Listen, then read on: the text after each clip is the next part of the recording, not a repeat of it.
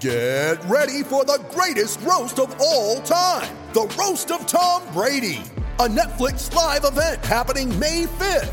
Hosted by Kevin Hart, the seven time world champion gets his cleats held to the fire by famous friends and frenemies on an unforgettable night where everything is fair game. Tune in on May 5th at 5 p.m. Pacific time for the Roast of Tom Brady, live only on Netflix. You ready? Showtime. On May 3rd, summer starts with The Fall Guy. Let's do it later. Let's drink a spicy margarita. Make some bad decisions. Yes. Audiences are falling in love with the most entertaining film of the year. Fall guy. Fall guy. Fall guy. That's what the poster said. See Ryan Gosling and Emily Blunt in the movie critics say exists to make you happy. Trying to make it out? Nope. Because I don't either. It's not what I'm into right now. What are you into? Talking. Yeah. The Fall Guy. Only in theaters May 3rd. Rated PG 13. De stroom. Ready.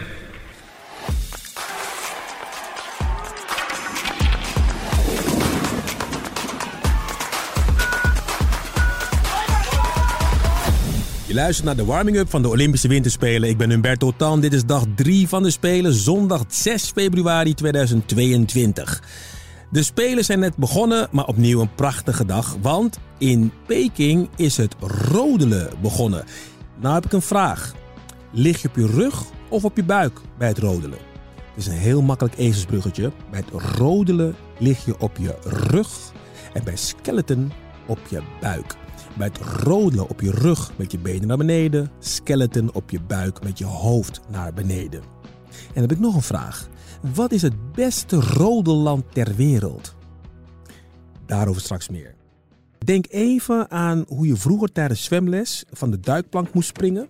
Als een potlood met je voeten recht naar beneden en je armen strak langs je lijf.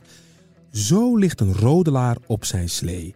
Kaarsrecht als een soort aerodynamische raket. En besef, rodelaar heeft geen stuur en geen rem.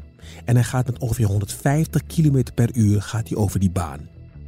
Je kan wel sturen. Dat kan door middel van het trekken aan de stuurriemen. Je kan ook wat druk uitoefenen met je benen. En je kan je gewicht op de juiste momenten en de juiste manier verplaatsen. Dan kan je een beetje sturen. Dat is wat je kan doen. Maar er is dus geen rem en je gaat dus met een snelheid van 150 km per uur over het ijs. Het beste rode land ter wereld, dat is al jarenlang één land dat met kop en schouders bovenuit steekt. 18 keer goud was er voor Duitsland. Er zijn verschillende onderdelen: mannen solo, vrouwen solo, de dubbel bij de mannen en de vrouwen en de estafette waarin die onderdelen worden gecombineerd.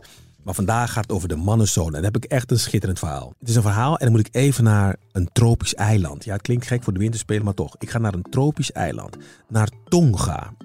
We nemen een kleine omweg, want het gaat uiteindelijk over de winterspelen van 2014 in Rusland, Sochi. Maar die droom begint op dat piepkleine eiland midden in de Stille Oceaan met iets meer dan 100.000 inwoners, ongeveer zo groot als de helft van de provincie Utrecht. En iedereen, en dan ook echt iedereen, speelt maar één sport daar: rugby. Dus echt niets met winterspelen te maken. En dit is het verhaal van een 21-jarige student, Fuehea Semi, die hoort in 2008 het volgende spotje op de radio in Tonga. Good morning, good morning, my beautiful Tonga. And there is a move here in the kingdom to select a candidate to represent the kingdom in the winter sports event known as De Olympic Games, de Olympische Spelen. Er wordt gezocht naar iemand die nergens bang voor is, maar vooral iemand die Tonga's eerste winterspelen atleet ooit wil worden. Iemand die de trots van het land wil verdedigen. En het moet gebeuren op een rodelslee. Semi, 21 jaar, die hoort dat, die denkt dat ben ik. Ik ben niet bang. En ik doe mee aan die selectiewedstrijden. Op een slee met wieltjes. En hij wordt uitgekozen voor die spelen, voor die selectie. En zonder ooit maar ooit sneeuw of ijs te hebben gezien. Maar misschien is het ook wel goed om te vertellen waarom Tonga dat wilde. Tonga had een Duits-Amerikaans marketingbureau ingehuurd. En die wilden een soort guerrilla-campagne starten om het eiland op de kaart te zetten. En toen hebben ze ontdekt dat de prinses van het eiland, een koninkrijk, Tonga, het prinses van het eiland, is groot fan van wintersporten. Toen dachten ze, ah, dat is het. We sturen iemand naar de winterspelen. we vernoemen hem gewoon naar die heerlijke parfums en prachtige onderbroeken van een van onze andere klanten. Je bent guerrilla-marketeer of je bent het niet. En zo hebben ze de naam van Fuea Semi omgedoopt in een bestaande onderbroekennaam, namelijk Bruno Banani. Bruno Banani, een onderbroekenmerk, een parfummerk. Je gaat, leuk dat je naar de Olympische Spelen wil en leuk dat je heet zoals je heet, maar nee, nee, nee, nee. We gaan je Bruno Banani noemen. Nou, dat Duitse sausje zat er overheen. Een nieuwe rodelkoning uit een onbekend land, Bruno Banani, was geboren. Maar het moest ook iets Amerikaans hebben, een stukje Hollywood. Het verhaal om hem heen werd daarom nog meer aangedikt. Zijn vader zou een kokosnootboer zijn op het eiland en Bruno Banani zou extra kracht krijgen door drinken uit de kokosnoten. Hij kreeg daarom de bijnaam de Flying Coconut. Nou, ik vat het nog even samen. Het gaat dus over een Tongaanse informatica-student die nog nooit sneeuw of ijs heeft gezien, die naar de Olympische Spelen gaat onder de naam van een onderbroekenmerk Bruno de Flying Coconut Banani. En deze Bruno Banani die komt uiteindelijk op de Olympische Spelen. Hij komt uiteindelijk aan de start. En de Flying Coconut heeft dat allemaal bereikt, onder andere door keihard te trainen met de beste rodelaars ter wereld in Duitsland. Hij ging zeg maar met Roger Federers van het rodelen, ging hij trainen in Duitsland. En die coaches die zagen gewoon dat hij talent had. En dus, toen hij zich kwalificeerde eind 2013 voor de Olympische Winterspelen in Sochi, was men best vol spanning wat zou hij kunnen doen. En hij stelde niet teleur, Bruno Banani. Hij wordt 32e van de 39 deelnemers op maar 6 seconden van Felix Loch, de Duitse gouden medaillewinnaar. Het begon als een waanzinnig marketingidee en het eindigt in de verwezenlijking van de Olympische droom van een man met een nieuwe naam. En zijn vader, de door het marketingbureau gebombardeerde kokosnootboer die eigenlijk cassave verbouwt, zag vanaf de boerderij in Tonga dat het goed was en de kokosnoot was toch lekker. Ready.